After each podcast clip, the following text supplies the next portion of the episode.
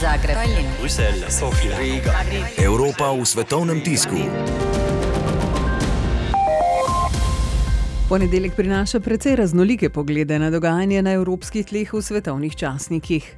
Irski premijer Leo Varadkar je ob namigih, da ima največ možnosti za zasedbo vodilnega mesta konzervativcev, prav Boris Johnson, dejal, da bi bila drugačna ureditev irskega menjega vprašanja po brexitu, kot je že usklajen, najslabša možnost. To je pripomnil potem, ko je Johnson dejal, da bodo morali na novo doreči sporazum z Evropsko unijo in morda tudi ureditev meje z Irsko, in nadaljeval, da je to celo huje kot odhod iz povezave brez sporazuma. O irskem premijeju dodaja današnji Guardian. The New York Times pa v spredje postavlja novo slovaško predsednico Zuzano Caputovo.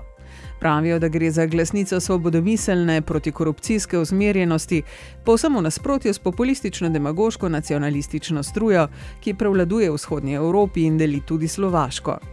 Kako dobro ji bo uspelo to nadaljevati tudi na tem mestu, glede na to, da je to njeno prvo neposredno srečevanje s politiko, pa bo še pokazal čas.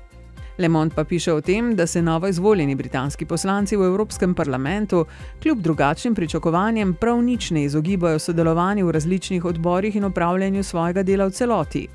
Tako so se med drugim že spustili v bitke za imenovanja za različne pomembne pozicije in tako pošteno premešali štrene, in to kljub temu, da nameravajo najkasneje 31. oktober izstopiti iz povezave.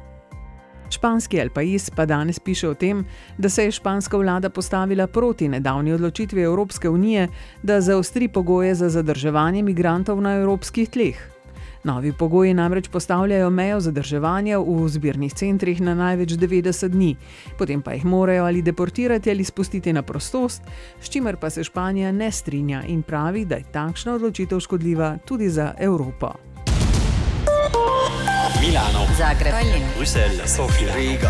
Evropa v svetovnem tisku.